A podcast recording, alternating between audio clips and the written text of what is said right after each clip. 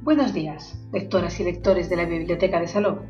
Os encontráis en el espacio Bibliosaló Radio, los podcasts bibliotecarios que os informan diariamente y vía radio de las novedades bibliográficas de la Biblioteca de Salón.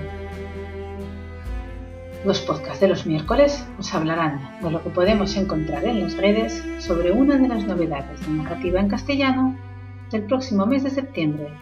Y hoy, 25 de agosto, os presentamos la novela Las armas de la luz de Jesús Sánchez Adalid. En la reseña de la contraportada podéis leer. Cerca del año 1000, Almanzor amenaza el norte de la península ibérica. Unos misteriosos barcos arriban a la costa tarraconense y dejan un extraño presente en el pequeño puerto de Cubellas.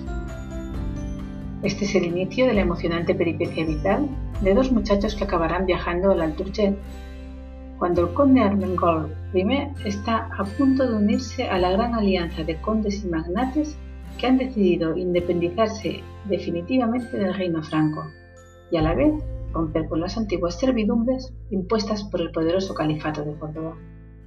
En medio de todo esto, una mujer joven se debatirá para liberarse de las ataduras de su cerrado mundo familiar y social.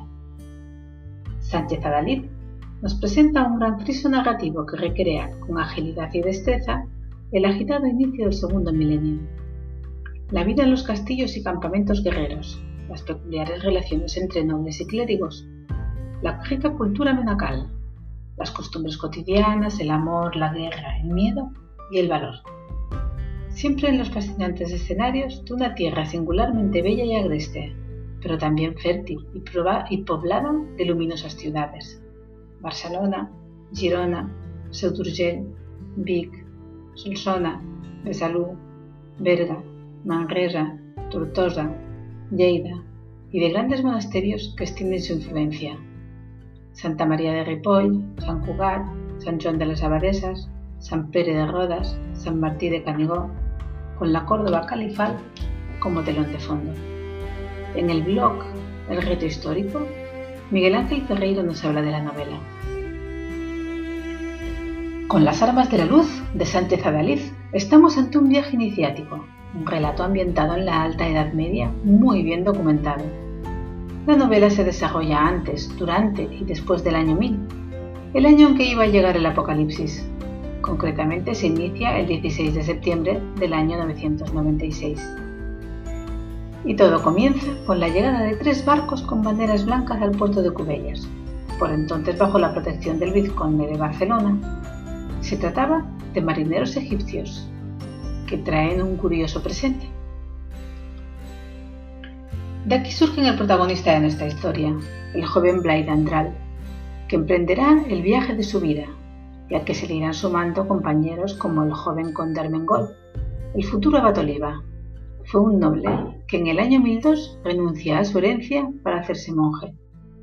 Como vemos, muchos de los protagonistas son personajes históricos reales cuyos perfiles han sido elaborados con mesura y con mucho rigor histórico. Entre los personajes del libro hay un gran elenco de nobles andalusíes y nobles cristianos, como el importante Ramón Burrell, pertenecientes a la alianza que se está forjando para independizarse del reino de los francos y romper el sometimiento a la autoridad del califato de Córdoba. El relato cabalga entre la paz y la guerra, las ganas de unos por vivir en paz y la necesaria guerra que tiene que haber para conseguirlo. No podemos dejar sin comentar que la organización del libro es magnífica, a modo de diario de viaje, con fechas, lugares y episodios que facilitarán nuestra lectura. La idea de crear una especie de introducción a los capítulos que el autor llama libros como si de una compilación medieval de manuscritos se tratase. Nos invita a continuar la lectura y a no dejar una hoja sin pasar.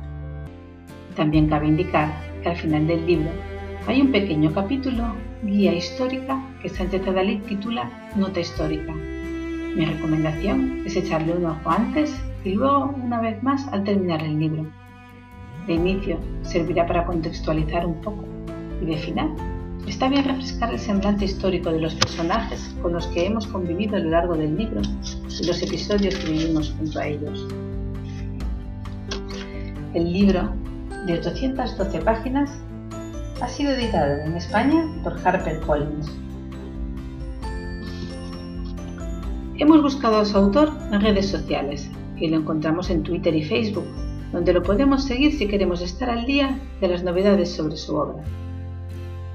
Autor y religioso español, Jesús Sánchez Adalid es licenciado en Derecho por la Universidad de Extremadura y se doctoró en la Universidad Complutense de Madrid. Ejerció como juez durante dos años, estudiando al mismo tiempo filosofía y teología y licenciándose en Derecho Canónico por la Universidad Pontificia de Salamanca. Ordenado sacerdote, Sánchez Adalid ejerce como párroco en un pueblo de Badajoz. Es colaborador habitual en Radio Nacional de España y en revistas como National Geographic y Ciencia y Vida. Sánchez Adalid es autor de novelas históricas de gran éxito, caracterizadas por su gran rigor en hechos y descripciones. entre su obra habría que destacar títulos tan conocidos como El alma de la ciudad, Alcazaba, El mozárabe o El caballero de Alcántara, entre otros.